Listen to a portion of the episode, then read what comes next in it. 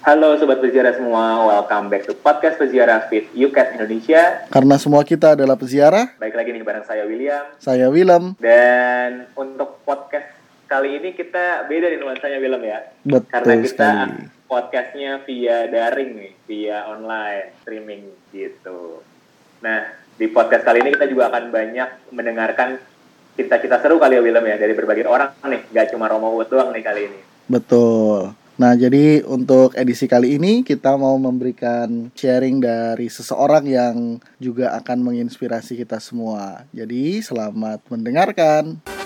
Hai kawan-kawan muda yang tergabung dalam UKET Indonesia Mari bersama satukan hati Jadi pelaku iman yang sejati Nah, suster ini ada pertanyaan lagi Anastasia ANST. Sa- Dia pernah mendengar tentang retret tujuh hari tanpa komunikasi dalam keheningan untuk suster atau semua kaum selibat tuh gimana suster? Oh iya, kalau itu nggak hanya untuk suster, yang namanya retret itu memang harus saya dan Tuhan dan selama tujuh hari itu ya nggak bicara-bicara. Itu Mas William juga dulu gitu kan ya Mas. Jadi para suster biaran biarawati itu ada biasanya satu tahun. Kalau oke saya berbicara kapasitas FSGM di FSGM ada setiap suster itu ada tujuh hari itu untuk retret. Eh, re kembali retret mengumpulkan dan segala macam itu. Pengalaman-pengalaman satu tahun disyukuri dan kembalikan sama Tuhan. Lebihnya dari itu kita menimba kekuatan lagi. Kalau selama ini 360 300 dikurangi 6 berapa itu? Jadi kan kita sudah sibuk dengan dunia sekarang waktunya saya dengan Tuhan. Ya. nah waktunya dengan Tuhan itulah saya ya mengurangi sedikit untuk berkomunikasi dengan manusia dengan orang-orang di sekitar kita yang selama ini sudah begitu banyak kita ajak bicara. Sekarang waktunya saya dengan Tuhan. Dan selama tujuh hari itu kita berdoa makan istirahat berdoa makan istirahat refleksi segala macam itu dan hanya saya dengan Tuhan dan didampingi seorang pembimbing biasanya begitu. Iya. jadi memang benar itu tujuh hari tidak komunikasi dan alat komunikasi juga dimatikan semuanya medsos segala macam pokoknya bener hening dengan Tuhan. Dan itu pun biasanya mereka kami berkumpul di suatu tempat rumah retret gitu. Jadi bukan di komunitas sekarang nanti kok sekarang bisa ketemu banyak orang tapi kami sungguh menyediakan waktu mencari waktu sungguh saya dan Tuhan untuk retret bersama Iya, bagian dari pengelolaan rohani juga ya suster ya berarti ya. menimba kekuatan untuk eh, mensyukur yang sudah terjadi dan untuk per- eh, perjalanan ke depannya satu tahun kemudian Iya. Nah, sebelum menjawab pertanyaan berikutnya, suster dalam perjalanan panggilan ini sudah pernah berkarya di mana aja nih suster kalau dari lokasi? Oke, eh setelah junior, saya bertugas di asrama Putri Pringsewu untuk untuk anak-anak SMA. Itu mungkin sekitar dari tahun 2006 sampai 2009. Berarti ya nggak lama ya? Ya, Ya, tahun, empat tiga tahun tahun lah. ya. Hmm, habis itu ke pedalaman Wamena. eh, di Wow, Papua, udah pedalaman sampai Wamena. sana. Iya, itu juga nggak lama, cuma satu tahun. Kemudian di eh, Jayapura, Jayapura satu tahun. Oh, Terus? tempat lahirnya saya itu. Oh ya? Iya. Oh gitu. Kira asli Bengkulu. Nah, dari Jayapura saya pindah ke Bengkulu, suster. Oh gitu. Iya. Oke. Makanya Habis itu kemudian ke terus pulang Palembang. terus per- persiapan kaul kekal. Jadi saya Ah. pribadi itu habis kaul kekal lalu ke sini nih. Jadi nggak banyak. Eks, waktu novis 2 kan kami ada namanya filial filial itu kayak PKL gitu. Itu di Jakarta 6 bulan. Udah habis itu pulang ke Pringsewu. Pringsewu Wamena Jayapura. Sekarang Bandar Lampung. Teman-teman saya udah keliling ke mana-mana. Tapi saya ini hanya itu itu aja gitu. Jadi wah, yang lain tuh kadang sampai ih mereka udah ke sini ke sini. Karena biasanya dua tahun satu tahun mereka pindah gitu. Sementara saya ada lama-lama. Kalau dulu katanya kalau kita lama tinggal di kelas itu dicintai guru kan ya?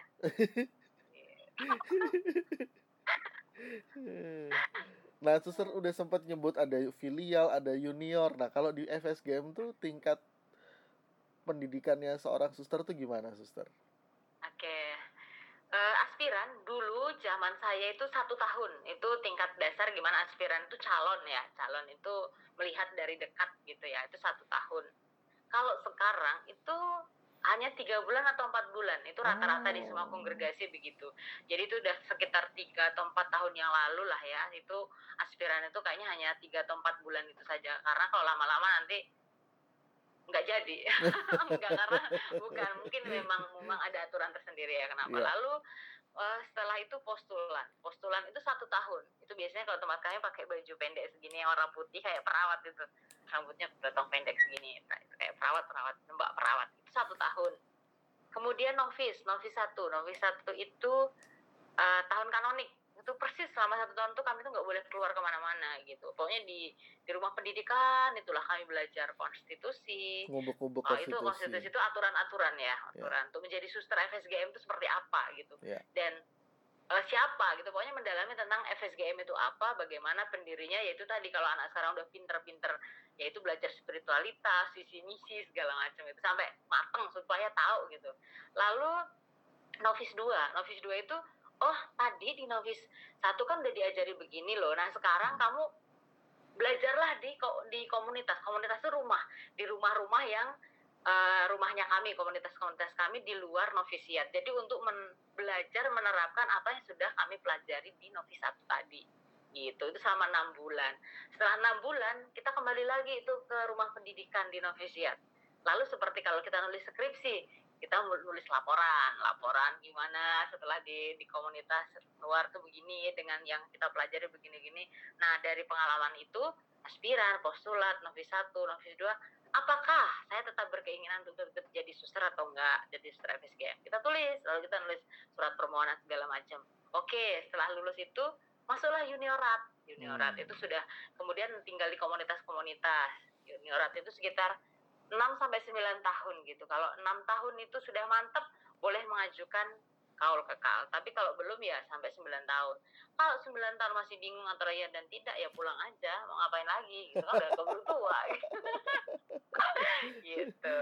Jadi setelah kaul itu ya kaul kekal terus medior senior ya biasa. Kemarin kayaknya Yes, saya lihat yes. ada foto bersama dengan Monsinyur Harun itu prosesi apa, Suster? Yang terbaru atau yang mana? Saya udah Ya. kelihatan tua apa masih muda. Yang terbaru, yang terbaru, yang eh, setelah ada misa kemudian dalam makan bersama suster-suster pada Oke. nyanyi itu. Oh yang yang itu yang di di meja makan ya yang berdiri iya, ya. iya.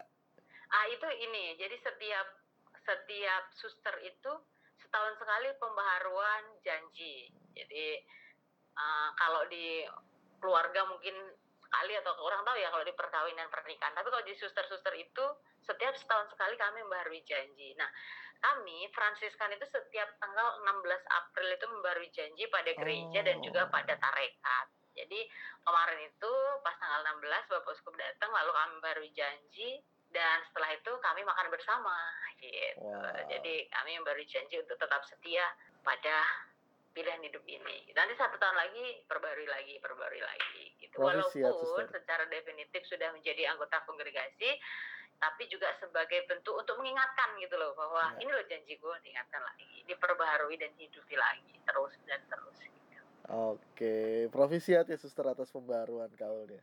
Terima kasih banyak, terima kasih didoakan, mohon didoakan semoga tetap Pasti. setia. Nah, ini ada pertanyaan lagi yang sudah saya pin, Suster. Kalau suster atau frater itu kalau mau kuliah itu biaya sendiri atau dibiayai ordo? Kalau sakit pergi ke mana ditanggung ordo atau tidak? Oke, di FSGM lagi kembali ke saya kami. Iya. Kalau kami seperti saya katakan karena sudah menyerahkan diri kepada kongregasi lagi, ya kalau kuliah pun kongregasi yang bayar, ya sakit juga kongregasi yang biayai. Tetapi juga artinya bahwa begini, eh, kongregasi menyekolahkan kami kan juga karena kebutuhan. Betul. Seperti saya disekolahkan sipil karena kan orang berpikir ngapain? gitu kan. Nggak biasanya kan juga suster nggak di situ gitu. Tapi kan kongregasi melihat bahwa oh bahwa sekarang kongregasi pun butuh orang yang bisa ngerti bangunan. Makanya ini susternya diminta untuk kuliah di situ. Nah ketika ini bagian dari tugas perutusan bahwa orang suster diutus untuk kerja di sekolah suster diutus untuk kerja pastoral. Nah, saya diutus suruh studi supaya nanti setelah studi kembali lagi untuk kongregasi gitu. Jadi ketika diutus, maka ketika saya diutus, yang mengutus pun juga pasti memenuhi segala apa yang Dibutuhkan. saya butuhkan untuk terlaksananya tugas perutusan itu. Oke. Sama halnya dengan sakit. Kalau sakit juga karena kami sudah anggota kongregasi, maka kalau anggota satu sakit ya gimana anggota ini supaya sembuh, supaya badan atau kongregasi sehat lagi. Gitu. Iya. Nah, kalau ceritanya bisa viral di Instagram tuh gimana, Suster? Oh gitu ya. saya tuh sejujurnya Followernya banyak uh, loh. sudah sebenarnya malah awalnya itu yang dulu ya karena saya itu saya itu kan orangnya punya mimpi besar ya artinya mimpi besar itu karena mungkin dulu cita-citanya itu besar ingin jadi penyiar radio pengen jadi punya apa ya televisi sendiri gitu kan. Pokoknya tuh mimpinya itu karena melihat tayangan bukan saya mengatakan tayangan sekarang tidak bagus loh ya bagus. Hanya saya tuh rindu uh, tayangan yang real gitu loh. Artinya bahwa kehidupan kita itu kalau karena saya orang desa ya orang desa itu saya tuh kenapa sih film-film kita itu nggak kayak orang desaku di sana gitu loh? Sekarang itu kan rumahnya tinggi-tinggi besar segala macem gitu kan ya. Terus apa film-film yang diangkat itu kayaknya tuh untuk saya orang desa tuh kayaknya aduh kok jauh banget dengan saya gitu. Saya pengen sesuatu yang real yang nyata gitu. Makanya ketika uh, itu tidak saya dapatkan makanya saya oh aku harus kreatif sendiri dong. Cari sesuatu yang yang bisa memberikan edukasi yang bisa memberikan sesuatu hiburan uh, tapi juga kata kese tapi juga sesuatu yang enggak berat gitu loh. Tapi memang anak sekarang itu kan beda beda dengan saya dulu yang kalau apa tuh baca brosur anak sekarang itu melihat satu menit tertawa tapi ada sesuatu. Nah dari situ saya oke okay, saya harus cari sesuatu konten yang di mana di situ tuh ada nilainya, ada pewartaan, ada yang saya wartakan Kristus tetapi juga untuk umum. Gimana kalau orang umum melihat ada sesuatu kebaikan yang bisa diambil. Makanya saya kemas dengan dulu dulu yang Instagram dulu. Kalau ini kan yang kedua, yang pertama kan dulu yang sudah berapa itu saya saya tutup kan memang karena ada sesuatu orang waktu itu terlalu mungkin langkahnya terlalu duluan. Jadi sama suruh tutup oke, okay, saya saya tutup kan. Lalu Nah, di kontennya dulu saya sering membuat video-video pendek. Nah, mungkin itu yang jadi orang menarik, lalu orang men-share, lalu orang memfollow. Itu mungkin gitu. Jadi, dan saya sendiri suka menulis. Dan yang saya tulis itu kan pengalaman yang real, artinya baik pengalaman saya sendiri atau pengalaman orang lain yang, oh kalau orang lain itu istilahnya gini, orang itu kalau jalan lewat sana jatuh karena ada lubang. Nggak perlu dong saya juga ikut-ikut jatuh, tapi bahwa saya tulis, oh di sana ada begini-begini. Walaupun juga tetap dengan uh, menjaga privasi dia, supaya dia nggak kerasa. Kadang ada orang, eh itu kok kayak yang kamu tulis kayak aku ya? Ah bukan. Gitu padahal padahal ya memang harus saya kemas supaya orangnya sama-sama belajar gitu loh. Dari pengalaman dia saya saya belajar. Jadi orang lain juga lebih bisa belajar lagi gitu. Karena memang ya itu dari pengalaman saya suka menulis suka membaca dan suka membuat kreator-kreator yang kiranya intinya bahwa saya ingin ayo loh kita penuhi ini dengan sesuatu media kita itu sesuatu yang positif, sesuatu yang kalau orang mencari itu atau melihat itu ada sesuatu yang bisa diambil, tapi juga nggak berat. Karena anak sekarang itu nggak mau digurui. Anak sekarang itu udah pintar, udah banyak semuanya tahu, tapi ayo loh ada sesuatu yang ingin kita belajar bersama, kita gali bersama, dan kita hidupi bersama. Gitu. Jadi kalau viral ya mungkin saya buat itu lalu di share, share, share ya jadi memang saya merasa akhir-akhir ini kurang berkarya tapi saya masih punya mimpi banyak gitu tapi ya mungkin karena kesibukan sana sini sana sini tapi bahwa saya pengen punya tim atau punya temen yang sekepala sama ya kita lo buat ini gitu. Makanya saya kalau menemukan orang yang bisa diajak begini-gini senang banget gitu kan langsung tak tak tak tak gitu. Karena dengan sendirinya ketemu chemistry-nya itu langsung gini loh iya gitu. Itu menarik sekali untuk saya gitu. Karena orang sekarang itu itu anak sekarang itu melihat sesuatu ada sesuatu luar biasa ada seperti yang Mas William buat kan sekarang oh, itu menarik sekali yuk itu segala macam itu iya nanti kita kolaborasi terus aja suster ya oke siap siap siap siap Nah, kemudian ada yang bertanya, Suster, bagaimana menembus masuk biara? Wah. Waduh, dengan Tembus rendah pandang hati, ya. dengan kemauan dan dengan doa. Nah, Baik.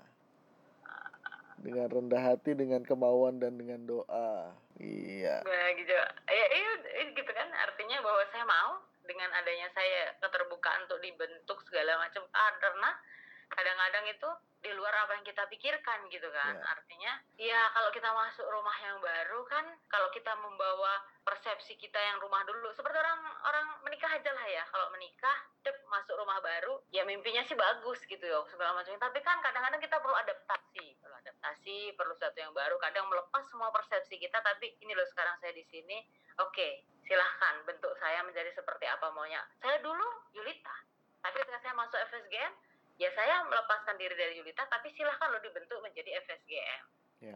jadi ya menembusnya begitu dengan istilahnya kalau orang tanah tuh mau dicangkul ya udah jangan ah, aku nggak mau. Ya udah sakit aja. Tapi ketika tanah dicangkul ya udah ikut cangkulnya ke mana. Ya udah nanti kan jadi tanah subur sendiri gitu. Iya, menjadi tanah liat yang siap menjadi bejana ya.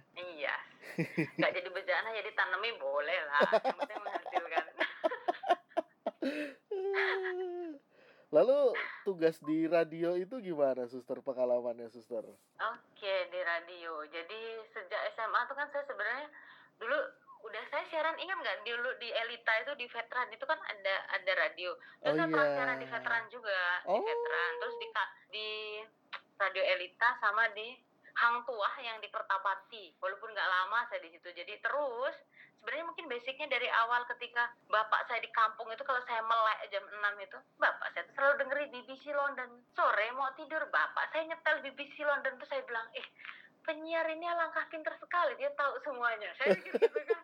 Kok casual setelah itu setelah gede baru tahu oh dia persiapkan gimana dia nggak tahu. Tapi buat saya si kecil jadi tak kecil melihat penyiar itu pinter banget itu kayaknya muncul ah kayaknya aku juga pengen jadi kayak gitu. Nah makanya ketika SMA saya di Palembang saya belajar itu kan jadi ngajukan permohonan karena waktu itu ada ada pembukaan untuk menjadi penyiar gitu kan. Lalu saya mengajukan lamaran. Nah pengalaman itu kan buat saya ya ya mungkin biasa ngomong ya biasa ngomong. Lalu ketika keuskupan karena radio suara wajar itu kan radio milik keuskupan Tanjung Karang. Lalu Bapak Uskup meminta ke FSGM untuk eh, meminta tenaga ke FSGM untuk membantu di sana. Nah dari FSGM memberikan saya untuk membantu di sana. Nah pengalaman di sana itu menarik sekali karena saya sebagai pembawa berita yang yang bukan rohani gitu. Jadi saya harus tahu harus Oh, oke. mencari berita nasional, berita mancanegara, berita dalam negeri. Yang saya harus jadi sehari itu kalau misalkan pas saya siaran berita nasional, saya harus tahu tuh berita nih yang mana-mana yang terbaru. Bahkan kalau nggak terbaru, kalau atau tadi sudah dibacakan penyiaran ya jangan gitu kan saya harus cari dan atau kadang kalau mereka di lapangan berita lokal saya harus mencari membuat sendiri berita itu dengan teman-teman jurnalis yang di luar. Mereka memberi informasi kalau mereka nggak sempat tulis kami yang tulis gitu kan atau mereka memberi dan kami nyaring sedikit gitu. Dan di situ saya juga harus tahu lagu-lagu lagu-lagu yang sekarang gitu kan yang terbaru mana yang tahun berapa mana. Jadi saya harus update itu semuanya gitu. Dan itu bagi saya menarik karena jiwa saya begitu gitu kan. Saya jadi ya lagu rohani harus ngerti lagu yang terbaru yang profan profan segala macam yang ngerti yang dalam negeri yang jazz mana yang nusantara mana gitu. Itu menarik sekali saya. Dan ketika saya tidak di sana lagi memang saya mengalami kemunduran artinya apa. Kalau dulu ditekan harus karena tugas itu dan saya harus tahu. Kalau sekarang itu kan nyelo lebih pada kalau berita ini suka saya baca. Kalau enggak enggak. Kalau dulu kan enggak. Kalau dulu ini bukan untuk kepentingan saya. Hmm. pendengar harus tahu gitu. Jadi saya walaupun nggak suka saya harus membaca supaya saya bisa mewartakan pada mereka gitu. Karena yang saya brandnya radio suara wajar itu kan berita dan informasi. Jadi saya di sana ya penyiar yang seperti kayak radio apa El Sinta gitu kayak Metro TV gitu jadi lebih pada umum.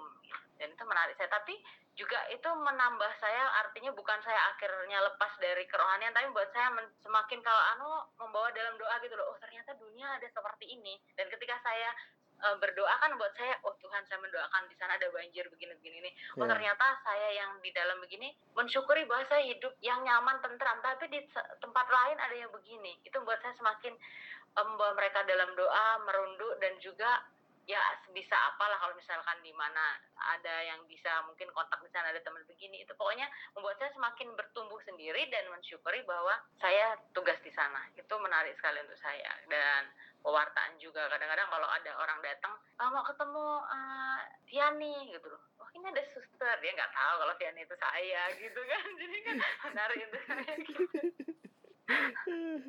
Menariknya Ya. termasuk ketemu teman seangkatan saya nggak, suster? Romo Wicak. iya. Ya, beliau bos saya itu. Dia nggak tahu kalau kita omongin ini, suster ya. Eh, nanti kan saya sampaikan. karena sebetulnya kami juga mau ketemu karena untuk bicara-bicara tentang sedikit untuk minggu panggilan besok rencananya begitu. Oh iya, saya titip salam buat teman seangkatan saya itu. Siap, nanti saya sampaikan. Iya. Nah, ini suster ada yang nitip salam nih suster untuk suster Hermin dan suster Bellatrix dari Frederico.nz. Suster Beatrix oke, tapi Suster Hermin kalau FSGM beliau sudah almarhum. Oh, oke.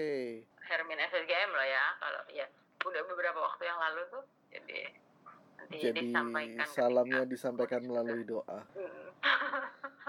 Salam dari Banda Aceh. Ya, halo teman-teman.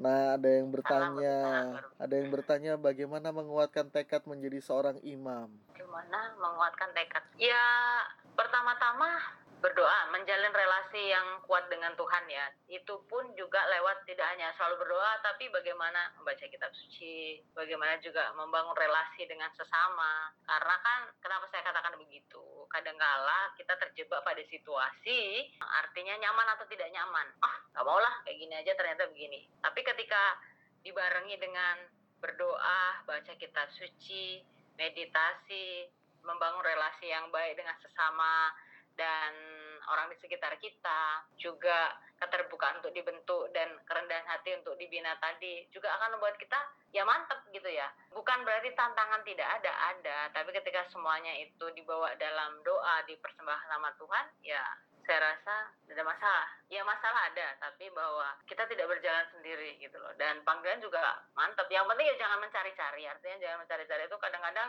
halu tuh muncul gitu loh. Kalau udah halu muncul, ikuti ke mana gitu. Sekarang real. Bahwa sekarang saya real, tinggal di seminari, oke. Hidup saya sekarang saya jalani dengan kekinian, dengan kesadaran penuh. Ketika saya makan, saya makan. Ketika saya rekreasi, saya rekreasi sungguh. Ketika saya waktunya tidur, saya tidur sungguh. Jangan kebalik-balik waktunya tidur nggak tahu ngapain main game atau main komputer medsos sampai sampai pagi waktunya misa tidur ya udah almarhum gitu Nah, ini kebetulan ada yang titip salam juga untuk Romo Wicak nih suster dari Claudia Odi. oke Ode Ode nanti saya sampaikan dengan Mas William langsung Iya. tak WA Ada yang request nyanyi suster. aduh ini nih yang saya nggak saya ini kalau ngomong aja cempreng. Cempreng pales apalagi nyanyi. Aduh yang lain aja ya kalau itu ya. Baik. Suster ini kita kan kalau live IG kan memang waktunya terbatas ya suster, tapi memang waktunya juga sudah malam. Suster juga mungkin perlu istirahat. Jadi mungkin kita sebentar lagi tutup, tapi saya ada request juga nih suster. Di penutup Hmm. ini boleh nggak suster mimpin doa oke untuk doa panggilan juga mendoakan teman-teman yang tadi nitip doa mungkin teman-teman ada yang punya gerakan batin untuk terpanggil mudah-mudahan juga bisa kita doakan untuk bisa menjawab panggilan lalu juga ada yang titip pesan agar ada katekese kepada para orang tua supaya rela mempersembahkan anaknya untuk hidup selibat juga mungkin bisa menjadi bagian dalam doa Mudah-mudahan perjumpaan kita malam ini, pembicaraan kita malam ini juga banyak menginspirasi teman-teman ya. Amin. Amin. Terima kasih Mas William sudah diundang ke sini untuk bergabung. Senang Sama-sama. bagi suster. saya. Ah, boleh sama-sama berbagi dan semoga nggak kapok. Nanti kapan-kapan kita bisa sama-sama berbagi lagi, saling menimba, saling menguatkan. Iya, karena reuninya masih sayang suster kalau masih cuma setengah jam 45 menit tuh reuninya masih belum belum maknyus gitu. gitu iya. Kawan-kawan lah kita ini buat zoom ramean supaya nanti Oh, teman-teman kalau iya, bisa saling iya. bicara gitu kan. Iya. Menarik. Oke. Suster boleh pimpin doa sekalian doa malam Oke. juga suster. Iya, iya. Dalam nama Bapa dan Putra dan Roh Kudus. Amin. Tuhan Yesus Kristus, kami bersyukur bahwa kasih setiamu selalu menyertai perjalanan hidup dan panggilan kami. Terlebih kami bersyukur karena pada malam hari ini Engkau telah mempertemukan kami lewat media ini. Kami memohon berkatmu untuk semua orang yang terlibat dalam pembicaraan kami. Mereka semuanya yang boleh hadir ke tengah-tengah kami, yang bergabung bersama kami.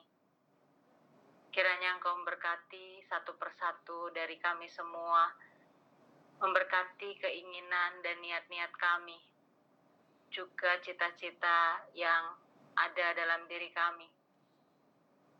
Kami juga membawa serta keluarga dan sanak saudara kami di mana pun kami berada, di mana pun mereka berada. Dalam situasi seperti ini, yang mungkin di perantauan yang merindukan perjumpaan dengan keluarga dan orang-orang yang kami kasihi, yang tidak dapat kami lakukan. Tetapi kami berharap Engkau senantiasa menjaga mereka, menjaga kami semua untuk tetap dalam keadaan sehat Mohon berkatmu juga bagi para orang muda yang mempunyai keinginan untuk mengikuti engkau secara lebih dekat, yang mungkin juga masih ragu-ragu. Kiranya engkau memanggil mereka lebih keras, menguatkan mereka, dan memberikan mereka keberanian untuk memilih dan memutuskan. Juga memberikan jalan yang mudah bagi mereka untuk dapat mewujudkan cita-cita mengikuti engkau lebih dekat. Dan kami bersyukur untuk perjumpaan malam hari ini. Semoga ke depannya nanti kami juga dapat berjumpa, saling menguatkan satu sama lain, saling memberi inspirasi, saling memberikan pengaruh yang baik, sehingga kami boleh menciptakan sesuatu yang baik dan menginspirasi banyak orang, sehingga kami semua hidup dalam damai dan sukacita. Kami mohon berkatmu di dalam istirahat kami pada malam hari ini Hindarkanlah kami dari mara bahaya, hal-hal yang memperburuk keadaan kami. Semoga berkatmu melimpah atas kami. Besok pagi kami boleh bangun dengan semangat dan berkat yang baru, juga rahmat kesehatan. Doa ini kami mohon karena Engkaulah Tuhan kami kini dan sepanjang masa. Amin. Amin. Dalam nama Bapa dan Putra dan Roh Kudus. Amin. Amin. Untuk semuanya sudah bergabung. Terima kasih Mas William. Terima kasih banyak Suster. Oke, okay, thank you Sobat Sejarah semua yang sudah mau mendengarkan. Kita ketemu lagi di podcast episode selanjutnya ya. Jangan lupa untuk teman-teman follow yuk Instagram kami di @peziarahkatolik dan @ukatid. Juga kalau teman-teman mau belajar tentang ajaran iman Katolik lebih kaya lagi, teman-teman bisa cek nih blog kami di peziarahkatolikid.blogspot.com atau ya dengerin podcast peziarah ini gitu. Jadi kita sama-sama belajar tentang kekayaan dan keindahan ajaran iman Katolik ya bareng-bareng. Iya. Kayaknya gitu sekali. aja kali ya William ya. Iya, oke. Okay. Kalau gitu saya William. Saya Willem. Thank you sekali lagi sudah mendengarkan. Bye. Bye. Indonesia maju